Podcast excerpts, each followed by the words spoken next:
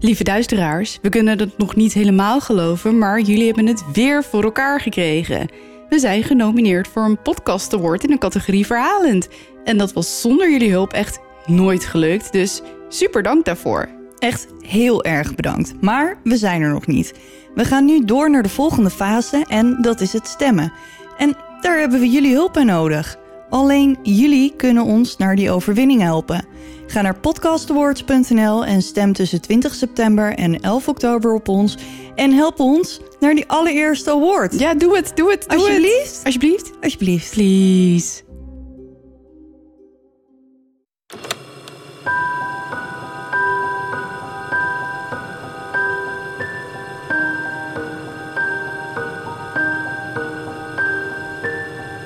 Dit is Duister. Een podcast waarin je wordt meegenomen naar het onbekende, het onbegrijpelijke. Zwarte bladzijden van de geschiedenis komen voorbij. Hier hoor je de verhalen achter moord, doodslag en onverklaarbare gebeurtenissen. We kruipen in de hoofden van een serie moordenaars, heksen, mythische wezens. Luister. En huiver. Duister. Hallo duisteraars. Hallo, lieve mensen. Welkom bij een nieuwe aflevering. Aflevering 16. 16 alweer? Ja man, gaat snel. Gaat heel snel. We gaan bestevenen af op een nieuwe special. Special. Ja joh, de twintigste. Weet jij het, eh, iets wat ik niet weet? Nou ja, ik dacht die vorige is natuurlijk best wel in de smaak eh, gevallen. We gaan het gewoon nog een keer doen. Dat dacht ik ook. Dus ik heb al een, ik heb al een lijstje. maar het wordt wel tijd dat we daar even over ja, we moeten daar gaan eens over denken. gaan denken inderdaad. Ja. Goed, nou, een special in de making dus. Ja. Dan heb ik nog even een huishoudelijke mededeling. Sorry, Emily, die loopt hier achter een speeltje aan. die kat die is 14, maar die is ineens een soort van tweede leven begonnen. Ja, en die moet zichzelf nu vermaken. Ja. Zonder de kleine poes. Maar anyway, Ja. we hebben vorige week hadden we natuurlijk weer wat leuks voor onze duisteraars. Mhm. Ehm, Zij die zwijgt, het boek van Samantha. Ja. Als je dit nu luistert op de dag dat hij uitkomt, 8 juli, Ja. dan heb je alleen vandaag nog om te reageren. En daarna sluiten we hem en dan gaan we de winnaar kiezen. En dan maken Yes. we in aflevering 17 de winnaar bekend. Dus alleen vandaag, 8 juli, kun je nog eh, je comment achterlaten. En daarna eh, is het klaar. Ja, Gaan dan we gaan de we de winnaar winnaar zoeken. kiezen. Ja, gaan we dat weer op de... Oh nee, dat gaan we niet doen. Dat is niet helemaal eerlijk, want we hebben natuurlijk gezegd... dat je eh, moet vertellen waarom eh, Ja. je het boek graag wil winnen. Ja, dus ik laat mijn Rad van Fortuin deze keer eh, achterwege. Yes, we gaan gewoon alle comments lezen en dan Kiezen we. een mooie uit. Ja. Dus als je dat wil doen, ik zou het doen, want het is een supergoed boek. Mhm. Dus doe het als je het nog niet gedaan hebt. Laten we maar snel beginnen. Ja, zal ik nog even een eh, hele slechte teaser geven? Ja, geef jij even een slechte teaser.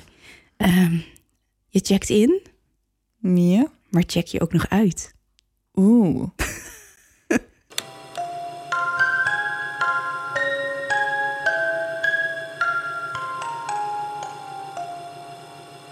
Vandaag vertel ik het verhaal van Lars Mietank.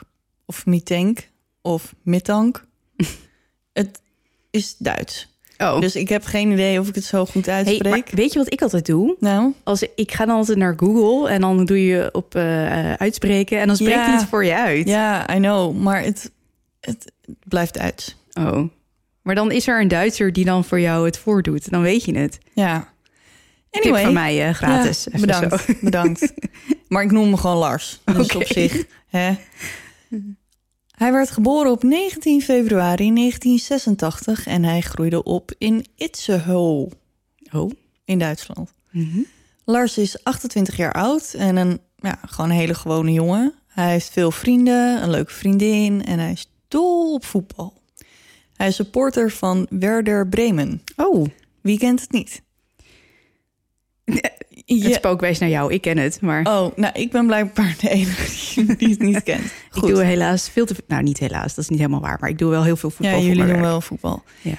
Goed, hij werkt bij een energiecentrale en gaat regelmatig bij zijn ouders langs. Nadat zijn vader een beroerte kreeg, hielp hij zijn moeder regelmatig met klusjes in en rond het huis. Oké, voordat ik verder ga wil ik even zeggen dat de meeste informatie nogal vaag is en veel verschillende bronnen verschillende dingen zeggen. Dus ik heb mijn best gedaan om alles zo goed mogelijk in elkaar te passen en er een beetje een kloppend verhaal van te maken. Mhm. De uitkomst blijft hetzelfde, maar wat eraan vooraf ging, dat ja, ik heb mijn best gedaan. Nou, ik ben benieuwd. Op 30 juni 2014 reisde hij met een groep vrienden naar de Golden Sands in Bulgarije voor een weekje vakantie. De Golden Sands is een badplaats aan de Zwarte Zee. De omgeving daar wordt ook wel de Bulgaarse Riviera genoemd. Oh, Ja, het is er blijkbaar heel mooi en lekker strand en zee en dat soort dingen. De dichtstbijzijnde grote stad is Varna en daar ligt ook het vliegveld. En dan is het ongeveer 17 kilometer naar oh dat valt best mee. ja. Ze verblijven in een fancy hotel en genieten van hun vakantie. Het weer is lekker, er zijn leuke clubs. Dus nou ja, ze vermaken zich prima gewoon met een groepje vrienden. De eerste dagen verlopen voorspoedig. De laatste paar dagen gaan er een paar dingen mis. Op 5 juli gaat de groep naar een café om de voetbalwedstrijd Costa Rica-Nederland te kijken. Oh, Want het WK is aan de gang. ah. Daar krijgt Lars het aan de stok met een groepje andere Duitsers. Lars support natuurlijk Bremen en deze groep waren Bayern München München. fans. Oh, die voetbalsupporters, hè? Ja, Hmm. dus er zal wel iets van rivaliteit geweest zijn en er ontstaat ruzie. Het loopt uit de hand. Het is 4 tegen 1 en Lars wordt zo hard geslagen dat hij later naar het ziekenhuis moet. In het ziekenhuis wordt hij onderzocht en de dokters concluderen dat hij een gescheurd trommelvlies heeft. Ai, Ja, dat is niet echt eh, heel volgens mij is dat heel pijnlijk. Ja, en ze schrijven hem daar het antibioticum. En daar komt hij. Cefuroxime 500 voor. een antibioticum dus. Cerofoxime is een veel voorgeschreven medicijn met weinig erge bijwerkingen. Je kan er bijvoorbeeld duizelig van worden of diarree krijgen, maar ja, veel erger wordt het zeg maar niet. Nee. Je moet natuurlijk wel oppassen dat je het niet combineert met alcohol en daarna gelijk aan de zuip gaat. Maar dan- hij is en blijft een Duitser, hè? Dus op zich... anders gooi jij er even een vooroordeel over, over Duitsers in. maar die kunnen heel veel bier drinken. Dat is wel, eh, En dat helemaal als ze jong zijn. ja. Ja, maar goed. Dus ja, dat medicijn dat zou in principe gewoon, gewoon veilig moeten zijn. Oké. De dokters adviseren hem niet naar huis te vliegen de volgende dag. Want ze zouden, want dit was dan 6 juli en 7 juli zouden ze naar huis vliegen. En nou weet ik niet helemaal zeker of dit waar is, want er doen nogal verschillende verhalen de ronde. Blijkbaar is het wel veilig om met een gescheurd trommelvlies te vliegen, maar doet het gewoon vreselijk veel pijn. Oh ja, Dus misschien heeft hij gewoon zelf besloten om dan maar even af te wachten. totdat het Ehm, beter zou gaan. Ja. Hoe dan ook, Lars besluit de volgende dag niet met zijn vrienden mee naar huis te vliegen en nog een paar dagen in Bulgarije door te brengen, terwijl hij wacht tot zijn trommelvlies niet zo'n pijn meer doet of Mhm. dat de dokter het goed verklaart. Eén van de twee.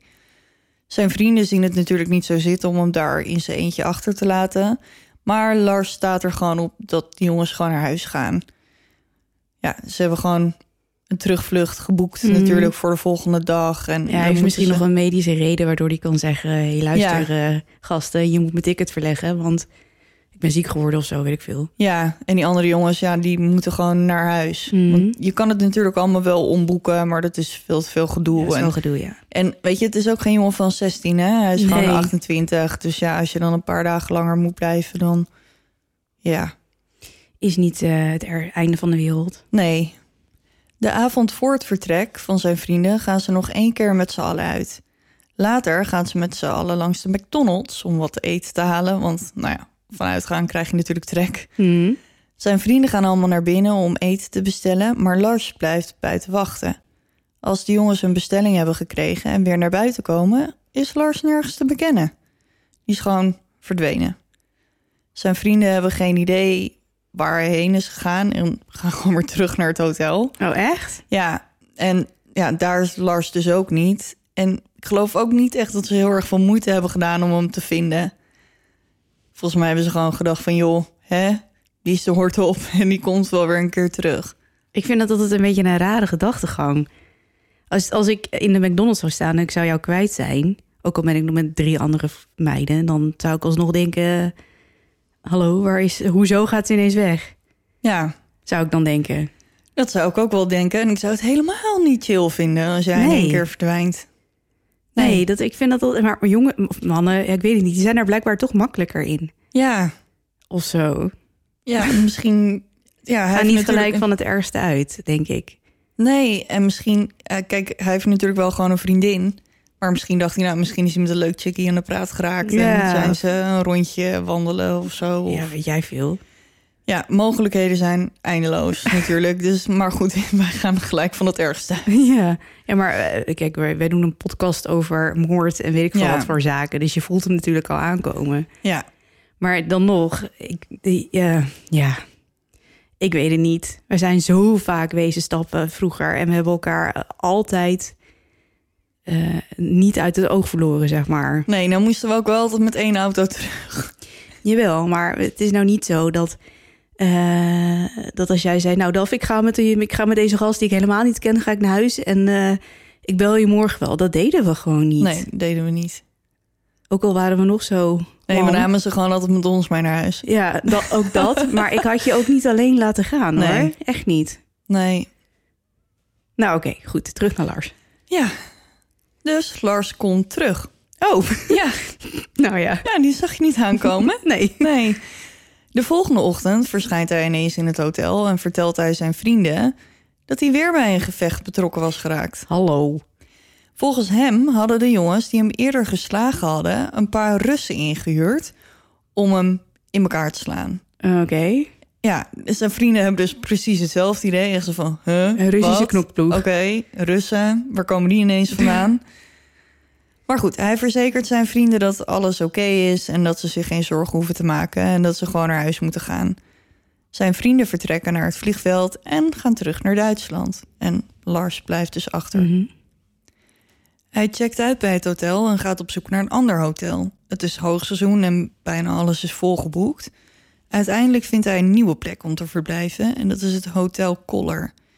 Het is niet het beste hotel en het staat ook niet echt in een goede buurt, maar het is goedkoop en niet zo ver van het vliegveld, dus het is prima om daar nog even te blijven. Als hij zich daar geïnstalleerd heeft, belt hij zijn moeder. Volgens haar gedroeg Lars zich super vreemd. Hij zegt tegen haar dat er iets mis is en dat hij zich helemaal niet veilig voelt, omdat hij het gevoel heeft dat de mannen die hem eerder in elkaar hebben geslagen hem volgen. Oké. Hij vraagt zijn moeder al zijn creditcards en bankpassen te blokkeren en hij vertelt haar ook dat de mannen weten dat hij pillen bij zich heeft en dat die mannen die willen hebben.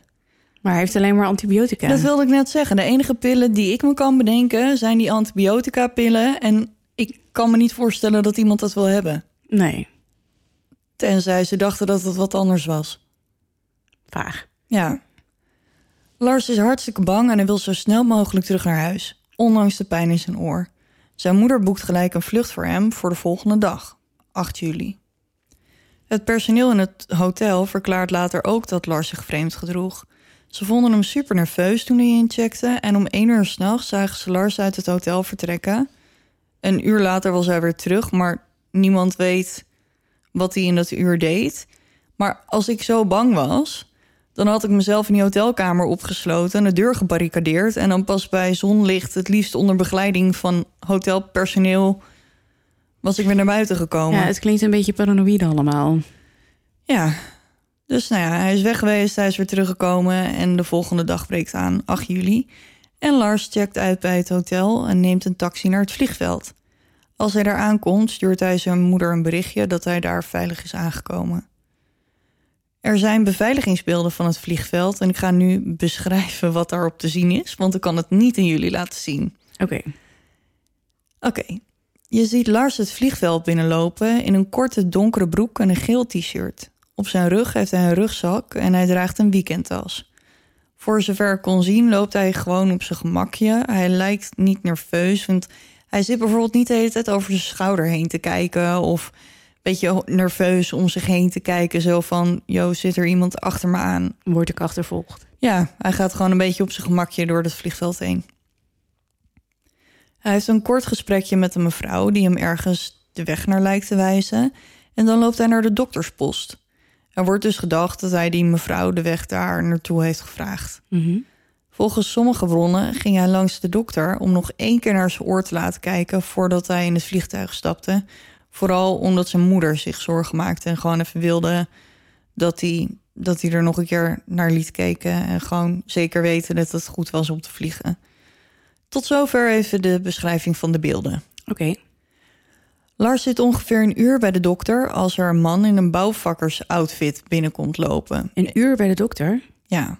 Of ik weet niet of hij in een wachtkamer heeft gezeten of in een behandelkamer, maar hij zit in ieder geval een uur in die. Want je moet sowieso al eh, minimaal een uur van tevoren komen natuurlijk. Om in te checken. En eh, Ja, twee uur van tevoren vaak. ja, maar als je al online hebt ingecheckt, dan kan dat sneller toch tegenwoordig. Maar het was 2014 dit.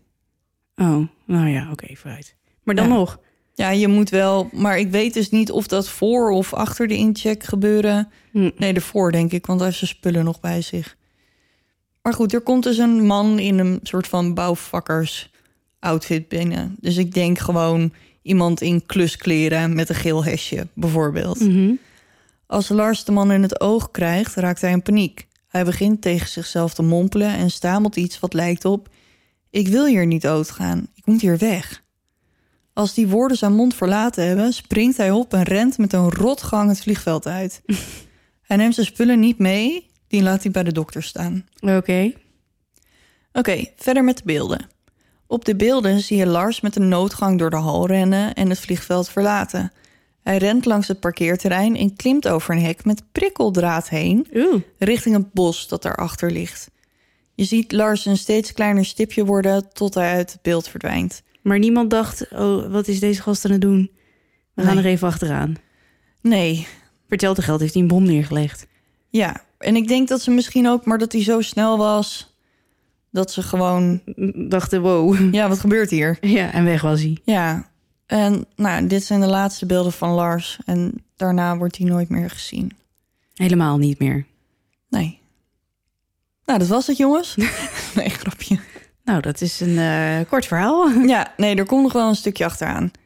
Er wordt natuurlijk een onderzoek gestart, maar ze vinden geen enkele aanwijzing. In 2015 krijgen ze een tip van een vrachtwagenchauffeur die claimde Lars gezien te hebben, maar dat zorgde verder ook niet voor antwoorden. Maar goed, ik heb natuurlijk wel een eh, lijstje met theorieën over wat er dan met Lars gebeurd zou kunnen zijn. De eerste is dat Lars dit allemaal zelf bekokstoofd heeft, zodat hij kon verdwijnen en een nieuw leven kon beginnen. Waarom? Had Geen idee. gewoon vrienden? En een vriendin en Ja. ouders en een prima leven. Maar ja, je weet natuurlijk nooit wat er in iemands hoofd omgaat. Oké, nou dat vind ik. Oké, nou deze die vind ik. Mwah. Ik was nog niet klaar. Er zijn zelfs mensen die geloven dat hij opzettelijk in een gevecht verwikkeld raakte, zodat hij gewond zou raken en hij alleen achter kon blijven in Bulgarije. Zodat hij dan zeg maar daar zijn eentje zou zijn en niet met zijn vrienden, zodat hij dan niet vanuit Duitsland hoefde te verdwijnen. En hij heeft natuurlijk al zijn spullen op het vliegveld laten liggen. Zijn tassen vol met zijn bezittingen zoals paspoort, portemonnee, telefoon.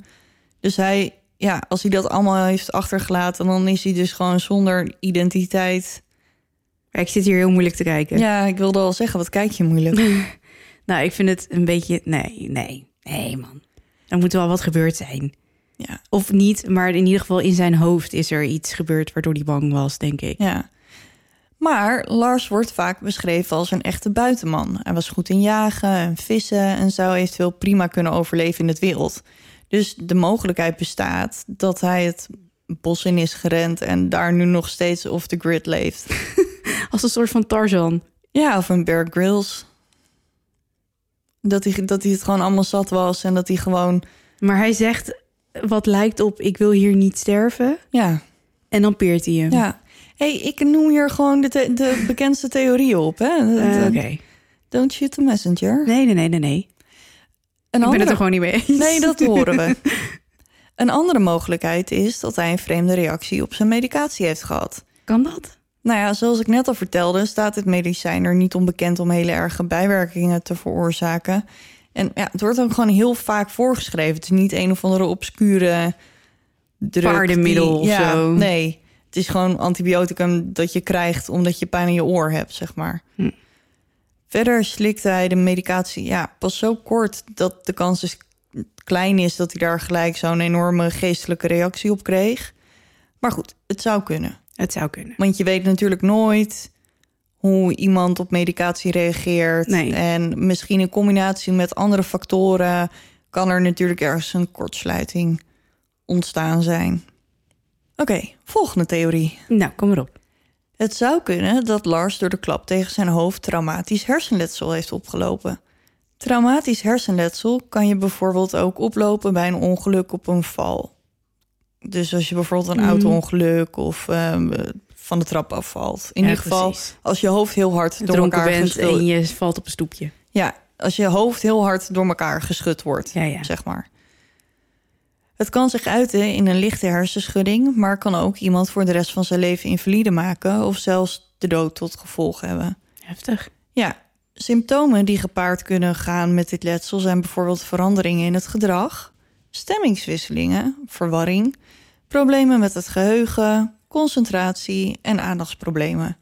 Nou, ik vind dit al iets more likely, zeg maar. Ja, want als iemand hersenletsel oploopt, hoeven de symptomen niet gelijk zichtbaar te worden. Deze kunnen ook na een paar uur, een paar dagen, weken of zelfs een jaar later nog de kop opsteken. Hm. Het kan dus zijn dat toen Lars in het ziekenhuis De kop was. opsteken. Oh. Je hoorde hem niet. Nee, nee, ik ben gewoon, eh, ik zit helemaal in mijn, in mijn eigen verhaal. Sorry.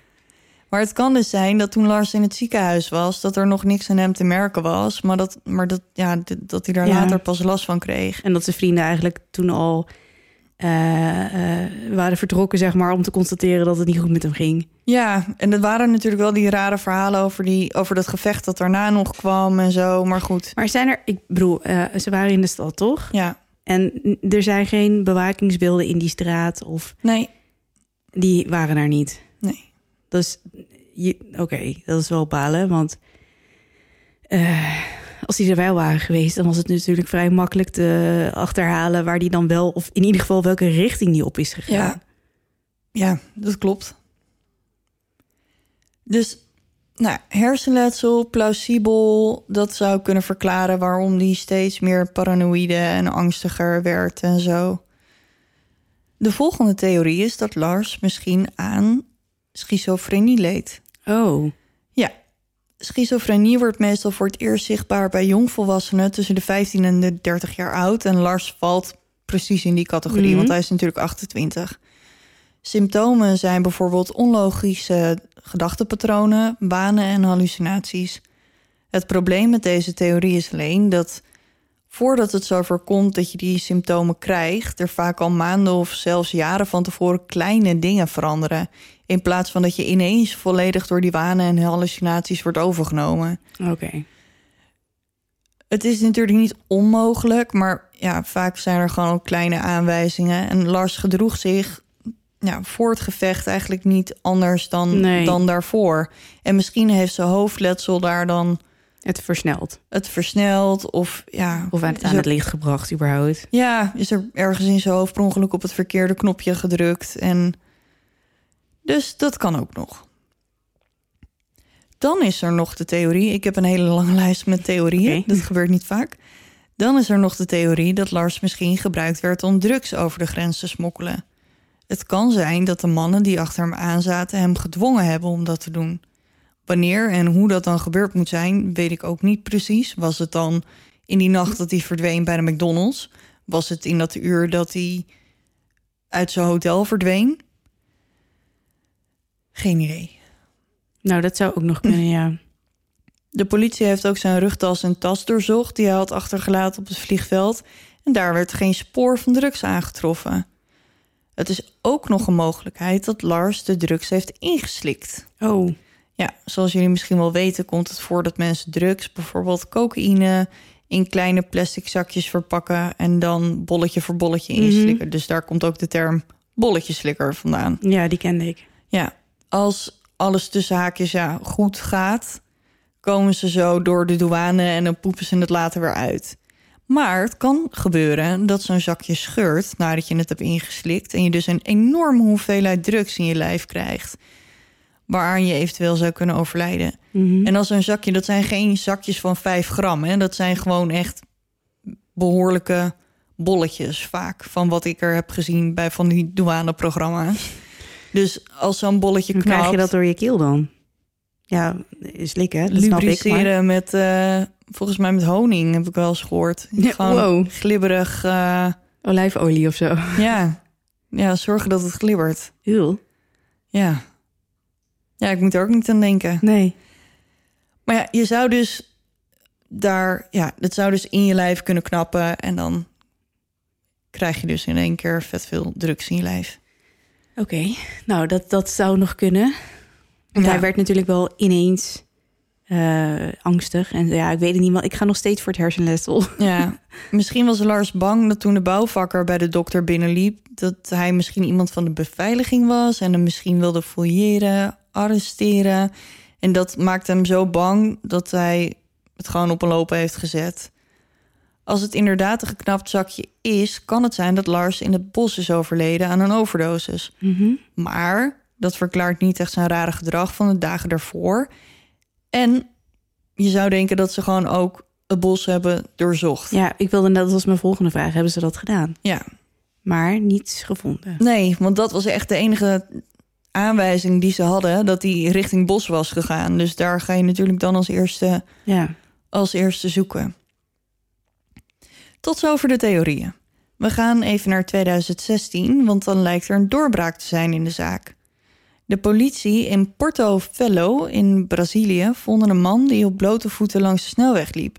Hij was gedesoriënteerd en verward. Zijn kleren waren vies en versleten en hij had geen identificatie bij zich. Hij had geen flauw idee wie hij was en kon zich van zijn verleden helemaal niets herinneren. Hij wordt opgenomen in het ziekenhuis en een foto van hem die daar gemaakt is begint te circuleren op social media. En wat denk je? Deze man lijkt verdomd veel op Lars. Nee joh. Zelfde lengte, zelfde bouw, alles leek te kloppen. Maar is het Lars? Nee, het is niet Lars. De man in het ziekenhuis is Anton Pilipa, een Canadees. Ja, eh, niet Philippa, want er zit geen H tussen. Dus ik denk echt een Pilipa. een Canadees die vijf jaar daarvoor verdween. Wat? Hij werd herenigd met zijn familie in Canada. Ja, vreselijk voor, ze, eh, voor de familie van Lars. Maar nou ja, tenminste één gezien kon hun vermiste familielid weer in hun armen sluiten. En ik heb hier een artikel, dat, dat, heb ik ook, dat komt ook op de website. Maar hij is blijkbaar te voet van Canada naar Brazilië gegaan. Jeetje mina. Want hij had geen paspoort, hij had helemaal niks bij zich. Maar hoe is hij dan de grens overgestoken precies? Ja, gewoon via de bosjes, denk ik. Nou, wat een apart verhaal weer joh. Ja, maar deze, deze jongen bleek inderdaad aan schizofrenie te lijden. Die was gewoon gaan eh, dwalen. Ja, En die is alles kwijtgeraakt onderweg. En die had geen idee meer zonder medicatie waar die was, wie die was. nee. Dus hij volgens mij gekomen iets is. van 10.000 kilometer te voet Holy afgelegd. shit. Ja. Ja, dus nou ja.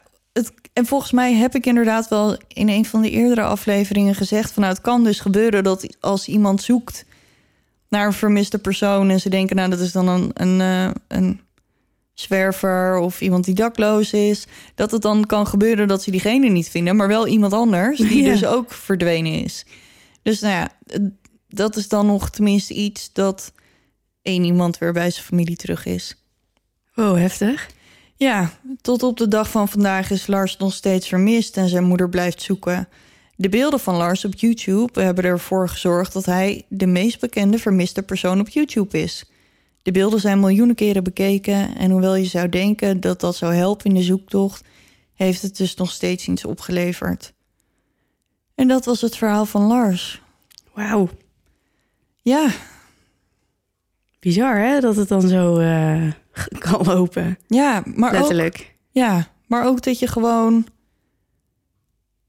Ook al heb je dat hersenletsel en natuurlijk hij is weggerend, maar waar is hij dan nu? Ja, Maar het vervelende idee. is natuurlijk, ik weet niet, ik kon dus niet precies vinden wanneer er zeg maar alarm is geslagen. Want als zijn moeder, die dacht dus dat hij Zou thuiskomen. veilig op het vliegveld was. Dus dan neem je aan dat iemand in het vliegtuig stapt en naar huis komt.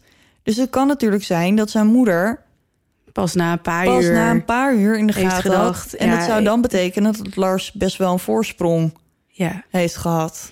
Maar wat ik zou- eh, het enige waar ik de hele tijd een beetje aan denk, is dat hij misschien inderdaad wat drugs heeft gebruikt. Er zo'n bolletje is geknapt, dat hij echt een enorme hoeveelheid drugs kreeg. Helemaal paranoïde werd. Ja, En dat hij daar die drugs gewoon echt mega veel adrenaline heeft gehad of zo. Misschien heeft hij wel een uur kunnen rennen, weet jij veel. ja, maar aan de andere kant, je ziet op de beelden dat hij op een gegeven moment wel een beetje langzamer. eh, weet je, eh, hij gaat Zakt echt af. als een soort van Usain Bolt de hal uit. Ja. En op een gegeven moment gaat hij dan een beetje joggen. En je ziet hem ook gewoon echt... En hij heeft natuurlijk een geel t-shirt aan. Dus je ziet hem echt zo'n steeds kleiner stipje worden. Maar ik kan me nog... Oké, misschien heeft hij die drugs ingeslikt. Maar dat is dan drie dagen daarvoor al gebeurd. Maar ik kan me niet voorstellen, want we zitten op 8 juli. Nee, twee dagen daarvoor, sorry. Want 5 juli krijgt hij die klap op zijn oor. 6 juli verdwijnt hij bij de McDonald's. En 8 juli vliegt hij naar huis. Is de bedoeling. Maar ik, ik kan me niet voorstellen... als je een beetje een regelmatige stoelgang hebt... dan kan je toch niet... twee dagen van tevoren die bolletjes al inslikken? En zijn moeder boekte die vlucht, omdat hij belde van... mam, ik wil nu naar huis. Ja, Dus dan was het sowieso al eh, En- niet gepland, zeg maar, tussen aanhalingstekens. nee. En dat is ook nog voor dat uur dat hij verdween in dat hotel. Ja, heel apart.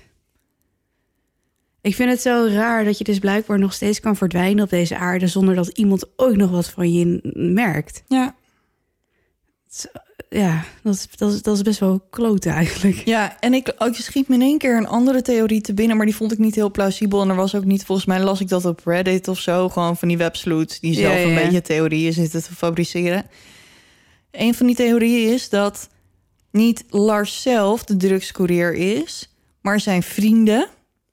Dus die vrienden die zijn met drugs in het vliegtuig gestapt. Mhm. En ze hebben Lars achtergelaten als een soort van borg. Dat op het moment dat dan de drugs veilig afgeleverd zou worden, dat Lars dan weer kon gaan of zo. Oh, Maar dan- wauw. Maar, maar- dan speel je wel echt met mensenlevens. Met Ja, maar die van dan je vriend ook, blijkbaar. Ja, maar dan nog, dan ga je toch niet. ehm, als dat echt het geval is, dan willen die mensen toch ook weten dat Lars gewoon blijft waar die is ook. Dan, dan hou je hem toch twee dagen bij jezelf thuis of zo. Dan laat je hem toch niet in zijn uppie Nee. in een hotel zitten.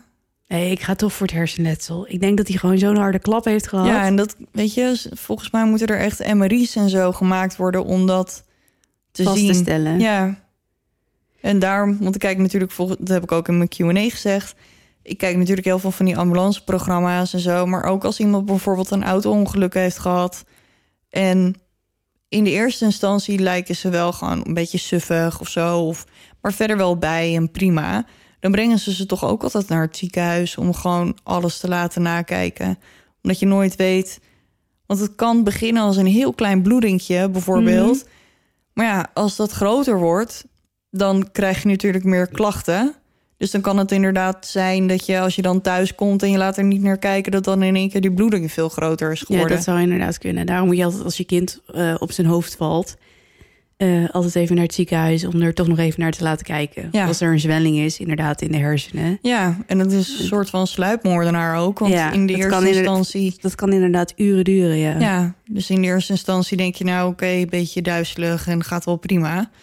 Ehm, maar ja, soms ligt er dan nog iets onder wat dan op het eerste oog niet te zien is. Nou, heel eh, apart weer. Ja, dus ehm, ik zet natuurlijk uiteraard het filmpje op de website. Mhm. En alle links die ik heb gebruikt. Nee, en, ik ga weer even kijken hoor. straks. en foto's van Lars en zo. Hopen dat hij nog Ja. terecht komt. Ja, en kijk naar die foto's. Voor hetzelfde geld ga je nog op vakantie naar Bulgarije. Ik zeg maar wat. En denk je in één keer... Zo, die jongen die lijkt echt verdomd veel. Oh, nu ik dat zeg... Ik las ook nog op Reddit... zo'n verhaal van een of andere gozer die zei... Ja, ik denk dat ik hem heb gezien in Canada. En toen sprak ik hem aan en toen wilde hij mijn telefoon lenen... en toen zei ik nee. Oké. Maar er waren heel veel mensen die zeiden van nee... Volgens mij zit je dit gewoon te verzinnen. Want als, als, als je dat echt denkt, ten eerste leen hem dan je telefoon. En ten tweede ga dan gewoon naar de politie en zeg dan gewoon... hé, hey, ik denk dat die, die dakloze man die vermiste jongen is. Het zou wel een rare eh, samenloop zijn als hij echt in, Canada, Canada zit. gevonden wordt. Ja. Oké, nou, eh, zullen we het hierbij laten? ja, ben je klaar? daarvoor? Ja, ik, eh, ik, ik, eh, ja, ik, eh, ik neem even een slokje koffie en dan, ga Gaan we. beginnen. Ja.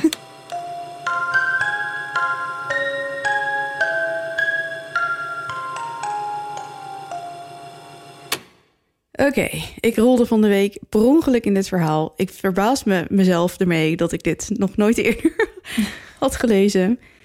Maar ik dacht, eh, deze gaat in de podcast. Punt. Het is een lang verhaal, dus ik hoop dat iedereen de tijd heeft. We gaan naar Arkansas, Arkansas. naar het plaatsje Eureka Springs. Want daarboven op West Mountain staat een prachtig voormalig resort, ziekenhuis en nu hotel, het Crescent Hotel. Ja. ja, je zit me heel verwachtingvol aan te kijken. Ik, nou, ik dacht, jij gaat zeggen, oh, oh, dat ken ik wel. Ja, dat wilde ik ook zeggen, ja. Oh, je kent het. Ja, nou, ik niet. Maar ehm, het een hotel dus. ja. Oké. Maar dan weet je ook al wat ik ga vertellen allemaal. Nee joh, dat geheugen van mij, dat Oh, is net een gatenkaas. oké. Nou, ehm, zou ik maar gewoon eh, gaan beginnen dan? Nou, graag.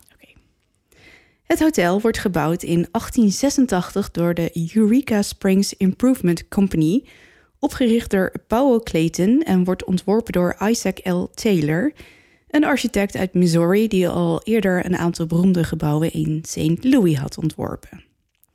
27 hectare aan de noordkant van de West Mountain wordt gekozen vanwege de locatie, met het majestueuze uitzicht op de vallei.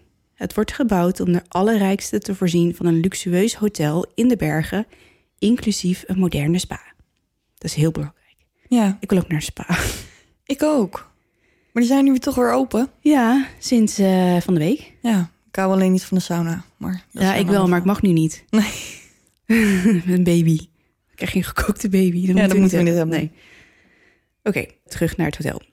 Het is namelijk een belangrijke tijd in de geschiedenis van Eureka Springs. Sinds de opkomst van de geneeskrachtige wateren van de Ozarks. Dat is een eh, gebied rondom Eureka Springs met veel watervallen, meren en grotten.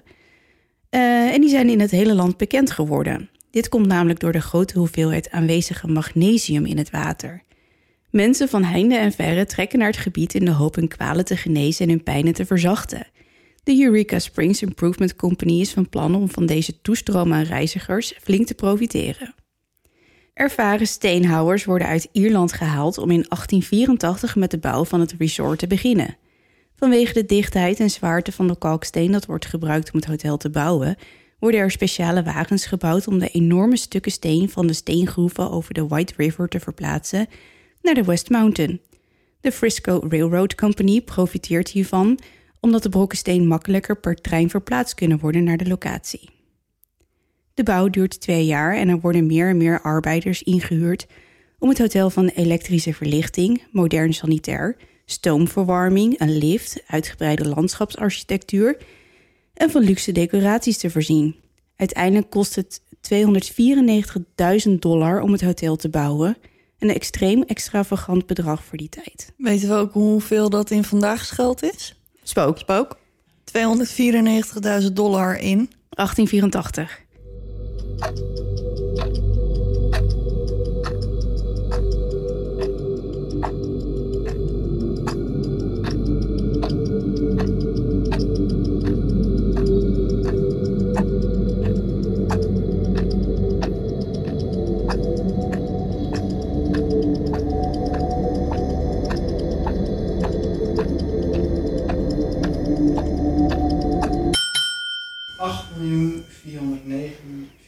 496, nee, 8 miljoen 4, 8,5 miljoen.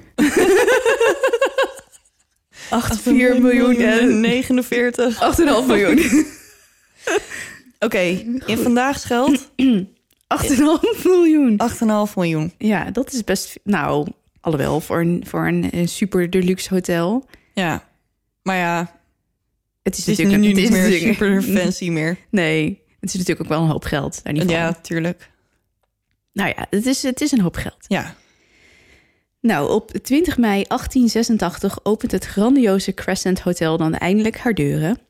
De lokale krant, de Eureka Springs Times Echo, noemt het het meest luxueuze resorthotel van hedendaags Amerika. Zou ik ook zeggen als het mijn eigen krant was. Ja, tuurlijk. De grote der aarde wonen de grand opening bij, wat bestaat uit een compleet gala-bal met een 100 man tellend orkest en een banketdiner voor zo'n 400 feestgangers. Dat zou ik zo graag een keer mee willen maken, zo'n feest. Toen. Ja, Niet nu. mij ook wel. Dat lijkt me heel tof inderdaad. Ja, Niet nu? Nee. Oh, maar toen wel. toen wel. Het hotel biedt grote luchtige kamers met prachtig meubilair.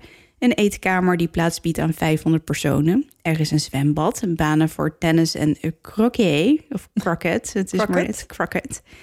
En dat alles te midden van een prachtig landschap van bloementuinen, kronkelende promenades en prieeltjes. De wilde van het hotel is ongeëvenaard.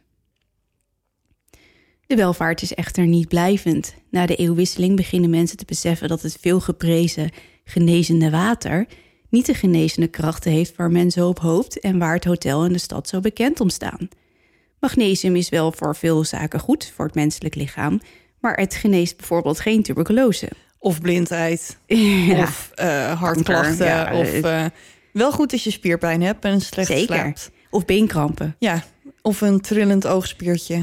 Ja, Ik heb dat dus wel eens en vaak gaat het dan weer weg. Maar als ik drie weken aanhoud en ik... oh ja, ik heb al een tijdje geen magnesium geslikt. Tijd ik, om ik weer te slik het beginnen. echt al jaren. Ik ook, maar ik vergeet het soms. En dan moet ik weer eerst ergens kramp krijgen... voordat ik denk, oh ja, Oh, Sophie. ja, moet ik weer even innemen. Dus het is wel goed, Ja, maar, het geneest niet alles. Nee, en dat beginnen mensen te beseffen. Ja, En dus eh, gaat het allemaal die enorme toestroom aan reizigers, die blijft een beetje uit. Ja. Van 1908 tot 1924 wordt het gebouw gebruikt als het Crescent College en Conservatorium voor jonge vrouwen. Maar het, het blijft tijdens de zomers als resort eh, fungeren.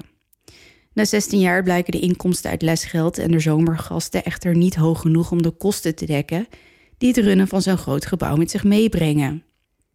Het Crescent College wordt gesloten. Na zes jaar verwaarloosd te zijn geweest, wordt het Crescent van 1930 tot 1934 kort heropend als Junior College. Oh, want ze denken dat dat dan wel in één keer genoeg geld opbrengt. Eh, ja, maar ook dat had niet zo heel veel eh, nut. Nee, want als het ene college niet werkt... waarom Nee. gaat dan het volgende college wel helpen? Volgens mij was het meer aan ruimtegebrek in de stad. Oh en ja, dat hotel stond daar toch een beetje hotel, eh, hol- ja, hotel te zijn. gastloos te zijn. Dus nou ja, dat was volgens mij de reden. Maar in 1937 komt een man genaamd Norman Baker ten tonele. Hij verkoopt het verouderde hotel met als doel er een ziekenhuis en een kuuroord van te maken. Norman Baker beweert kanker te kunnen genezen.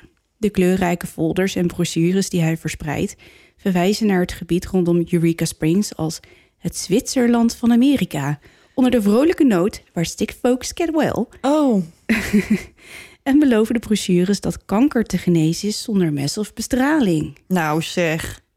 Wonderlijke man, hè? Ja, Maar Norman Baker is helemaal geen dokter. verrassing. Norman Baker is een charlatan.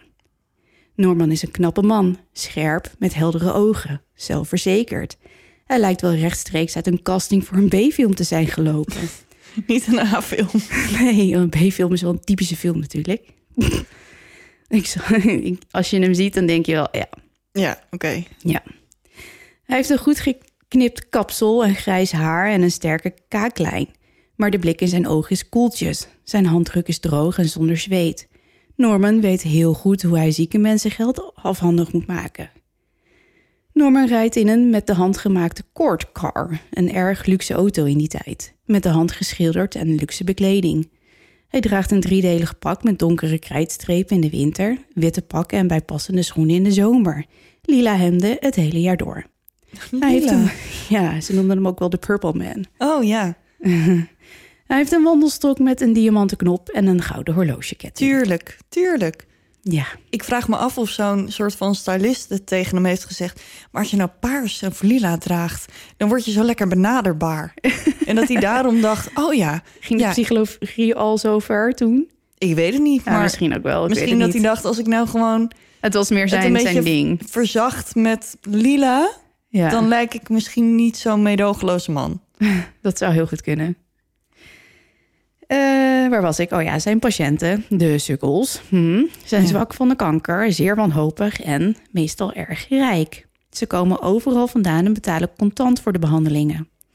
Norman belooft hen het leven. Het enige wat ze daarvoor nodig hebben is zijn Formula 5 en de kracht van positief denken. Mm, Maar Normans wondermiddel, Formula 5, is niks anders dan alcohol.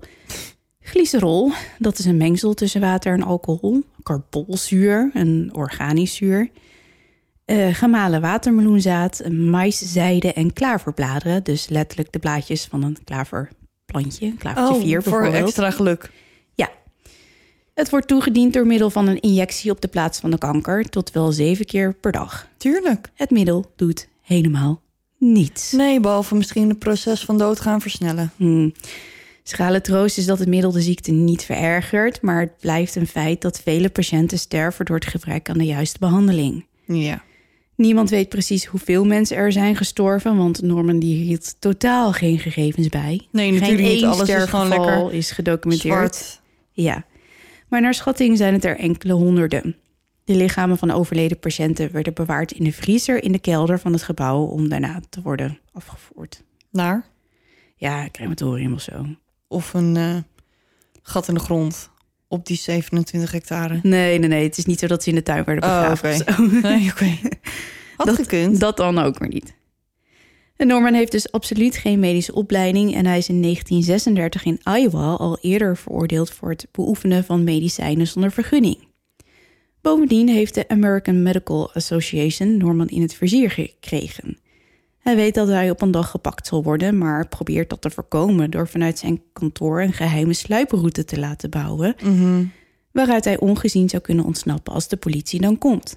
Die vlieger gaat niet op en uiteindelijk wordt Norman gearresteerd wegens postfraude. Postfraude.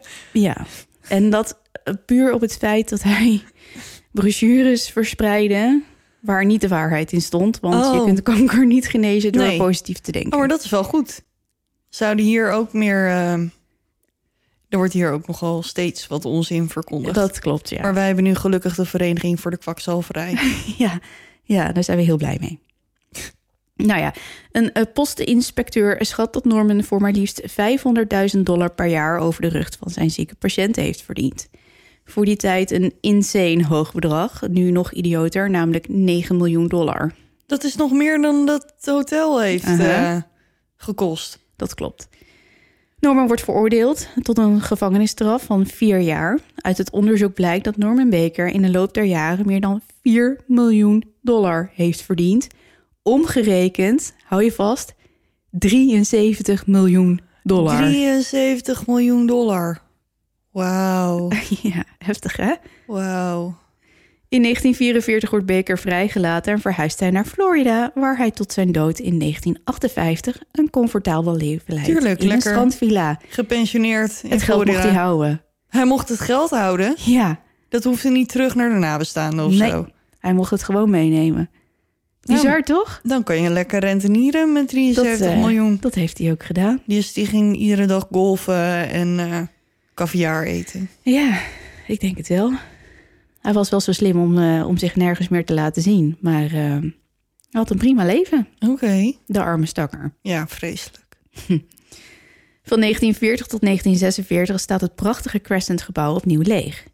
In 1946 wordt het echter gekocht door vier zakenlieden uit Chicago... die het hotel in zijn oude glorie willen herstellen.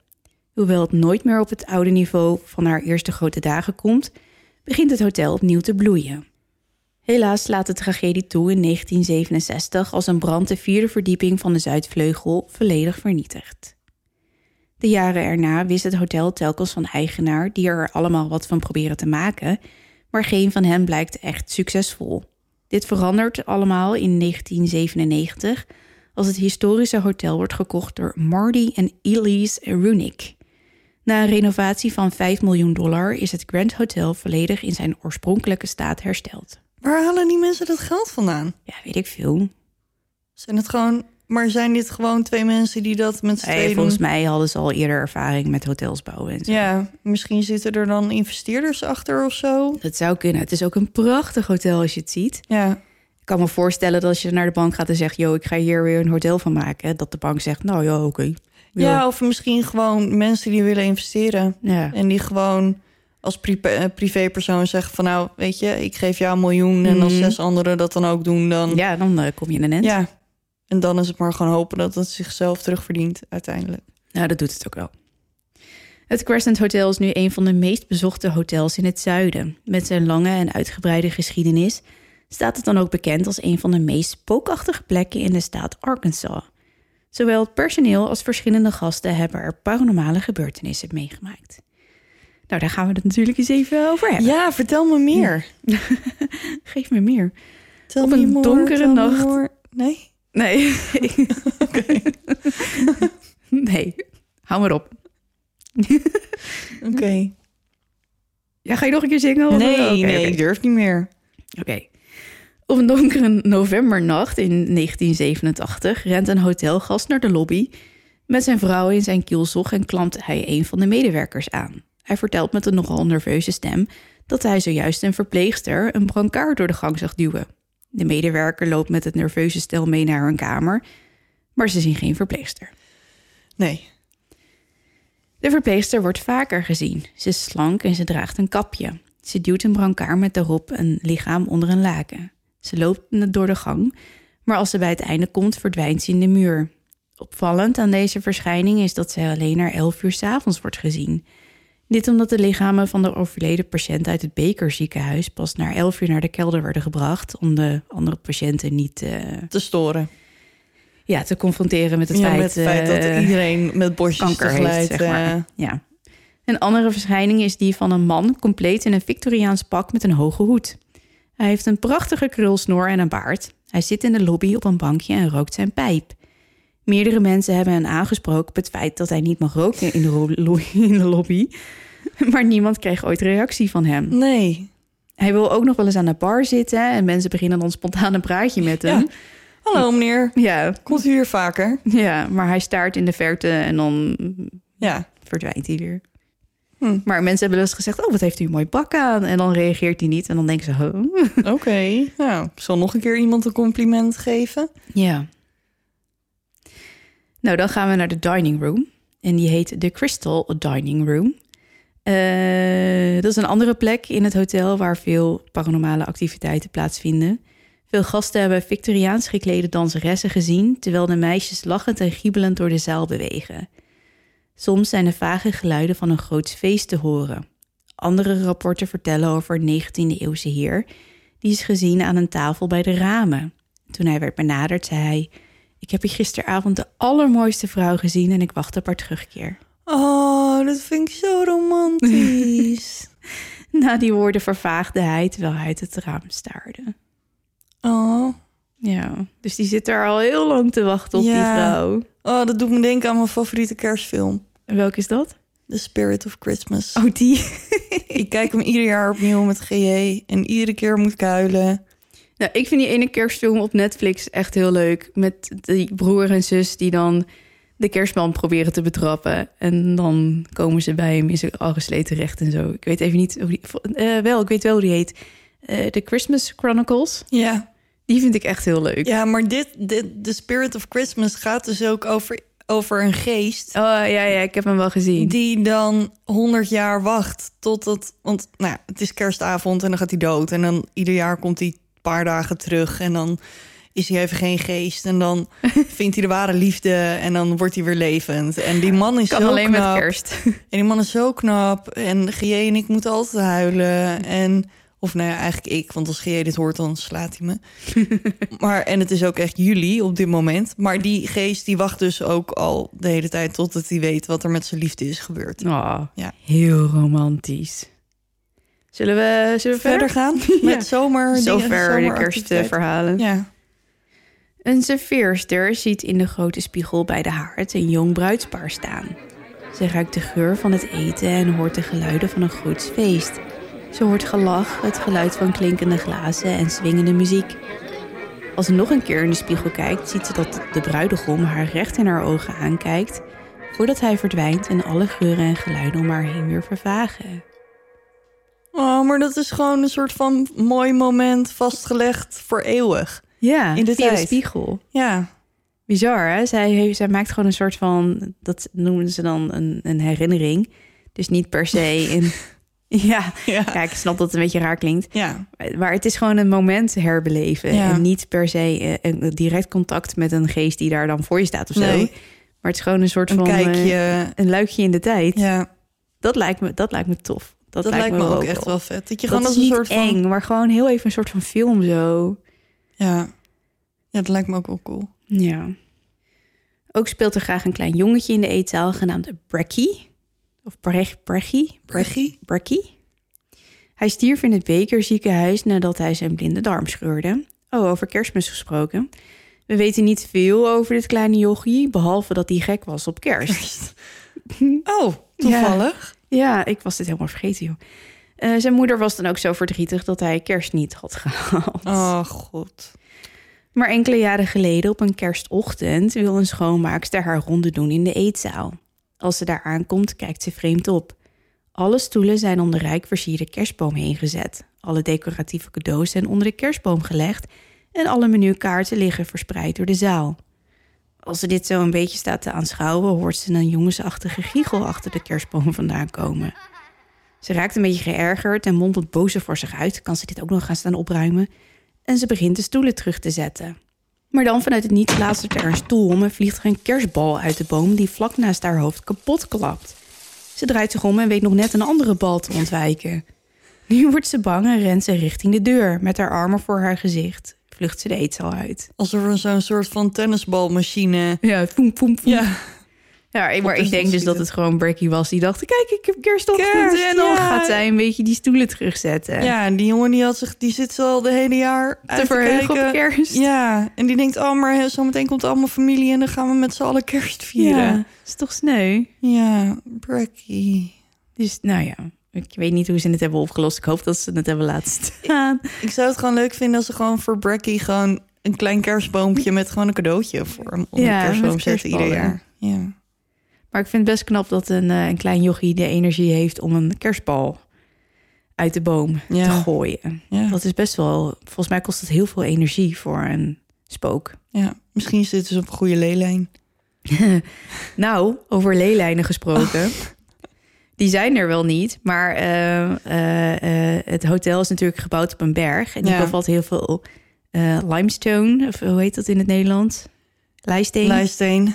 En ehm, kalksteen. Mhm. En door eh, het aanwezige ijzer in het water en het magnesium, dat zijn natuurlijk allemaal wel geleiders. Geleiders, ja. Dus het is natuurlijk eh, behoorlijk. Er zijn heel veel spoken in het hotel. En dat, dat komt, denken de onderzoekers. En dan onderzoekers ik Zack Bagans. dat, dat er, ja. De, de, de natuurlijke elementen heel, helpen wel mee, zeg ja. maar. En er zijn natuurlijk ook een hoop mensen doodgegaan. Dat helpt ook ja, wel. Dat, dat helpt ook, ja. Ja. Nou, ik vertelde het al aan het begin. Tijdens de bouw van het hotel werden er metselaars uit Ierland gehaald, omdat zij de meeste ervaring hadden met het type steen waarmee het hotel gebouwd is. Helaas komt een van die metselaars door een bizarre val om het leven. Oh, En dit is een verhaal voor jou, Kim. Michael, een erg knappe jongeman, woont Oh, ja. in Ierland. Ja, als hij de vraag krijgt of hij flink geld wil verdienen. Tuurlijk wil hij dat, dus maakt hij de overtocht naar Amerika. Daar werkt hij als metselaar aan het hotel. Michael houdt van vrouwen en hij ligt dan ook goed in de markt. Dus een, een knappe jongeman, hebben we foto's? zeker. Oh, en hij vindt het leuk om met ze te flirten, met die vrouwen dus, en te dansen en te lachen. Op een winderige dag staat hij in zijn kloffie op het dak van het gebouw als hij beneden een mooie jonge dame voorbij ziet lopen.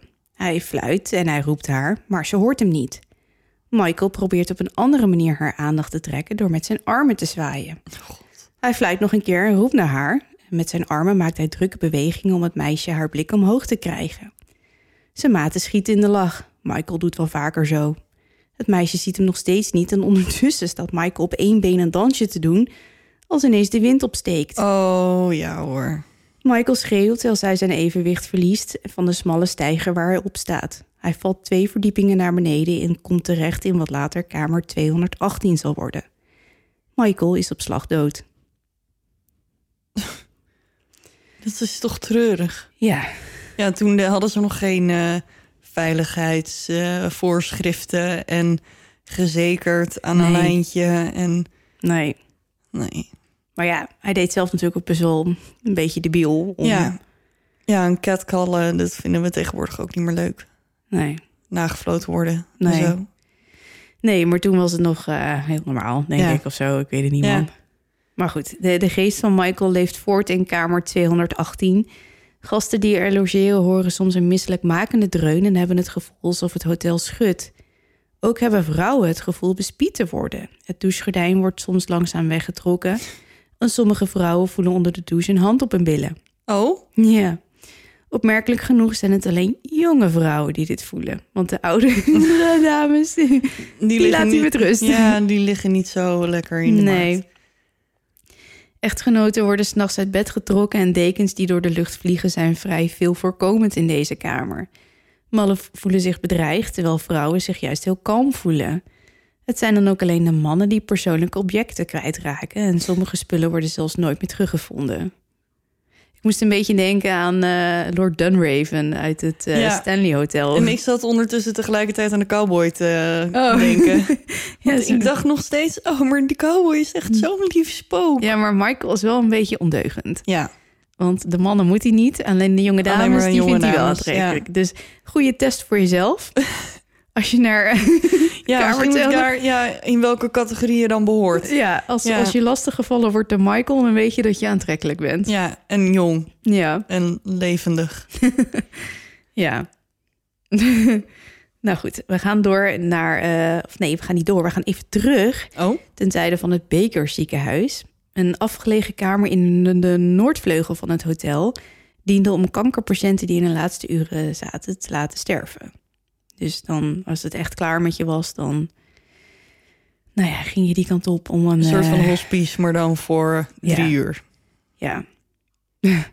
De meeste van deze patiënten leden immense pijnen... door het gebrek aan medicatie of pijnbestrijding. Wat natuurlijk nogal logisch is, want ze kregen er niks voor. Nee, alleen maar alcohol. Dus als je in je laatste uren zit, dan eh, is dat geen pretje. Nee. In deze kamer horen mensen soms gehuil en gekreun. Ze worden misselijk of voelen pijn in hun ingewanden. Sommige gasten moeten de hele nacht overgeven en ze voelen zich gedesoriënteerd. Nou ja, zou dit dan komen door een soort van residu van de stervende patiënten? Onze vriend Zack Bacons Ah, nam er een, ja, hij nam er een indrukwekkende spiritbox op die klinkt als Norman Baker. Luister maar.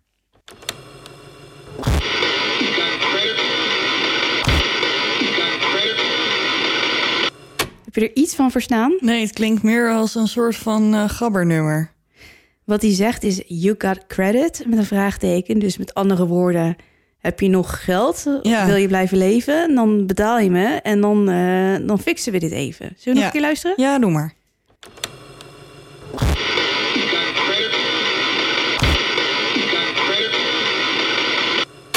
Ja, het klinkt nu meer als een remix van iets, maar ik hoor inderdaad wat hij zegt. You got credit. Ja, Ja, als, wel, als je het weet is het heel Mhm. duidelijk, maar het, dat is vaak zo. Hè? ja. Het is net misschien ook wel een beetje wat je wil horen. of- Nee, maar in- soms denk je, oh ja, maar het kan alle twee of alle drie of alle zes, alle opties. maar als je, nu hoor je wel duidelijk wat hij zegt. You got credit. Later nemen ze nog een EVP op... waarin een man zegt dat hij een slachtoffer is. Luister maar even.